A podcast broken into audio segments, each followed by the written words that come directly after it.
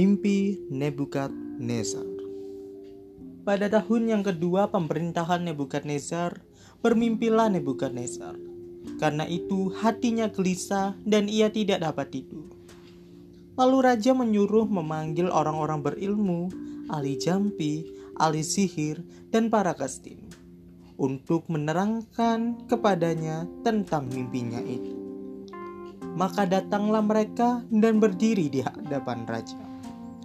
Kata raja kepada mereka, Aku bermimpi dan hatiku gelisah karena ingin mengetahui mimpi itu. Lalu berkatalah para kastim itu kepada raja dalam bahasa Aram, Ya raja, kekalah hidupmu. Ceritakanlah kepada hamba-hambamu mimpi itu, maka kami akan memberitahukan maknanya. Tetapi raja menjawab para kastim itu, Aku telah mengambil keputusan, yakni jika kamu tidak memberitahukan kepadaku mimpi itu dengan maknanya, maka kamu akan dipenggal-penggal dan rumah-rumahmu akan dirobohkan menjadi timbunan puing.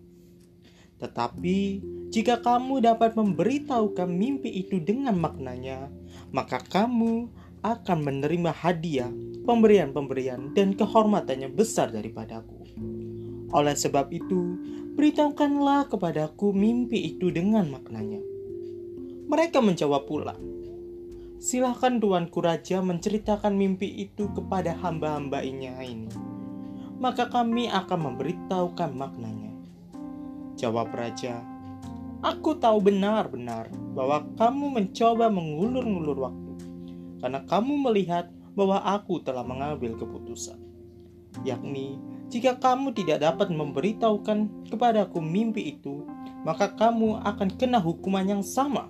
Dan aku tahu bahwa kamu telah bermufakat untuk mengatakan kepadaku hal-hal yang bohong dan busuk sampai keadaan berubah.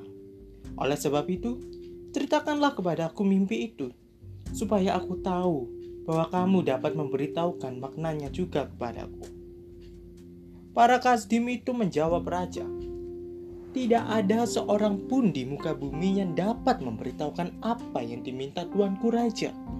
Dan tidak pernah seorang raja, bagaimanapun agungnya dan besar kuasanya, telah meminta hal demikian dari seorang berilmu atau seorang ahli jampi atau seorang kastin.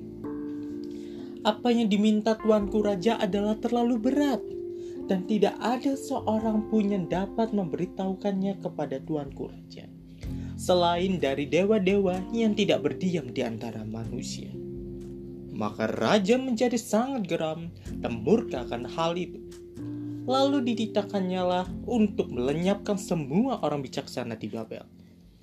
Ketika Tita dikeluarkan supaya orang-orang bijaksana dibunuh, maka Daniel dan teman-temannya pun terancam akan dibunuh.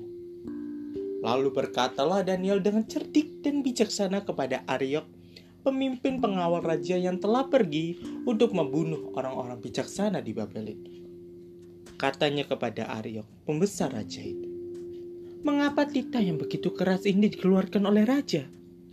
Lalu Aryo memberitahukan hal itu kepada Daniel. Maka Daniel menghadap raja dan meminta kepadanya supaya ia diberi waktu untuk memberitahukan makna itu kepada raja. Kemudian pulanglah Daniel dan memberitahukan hal itu kepada Hananya, Misael, dan Azaria teman-temannya. Dengan maksud supaya mereka memohon kasih sayang kepada Allah semesta langit mengenai rahasia itu, supaya Daniel dan teman-temannya jangan dilenyapkan bersama-sama orang-orang bijaksana yang lain di Babel.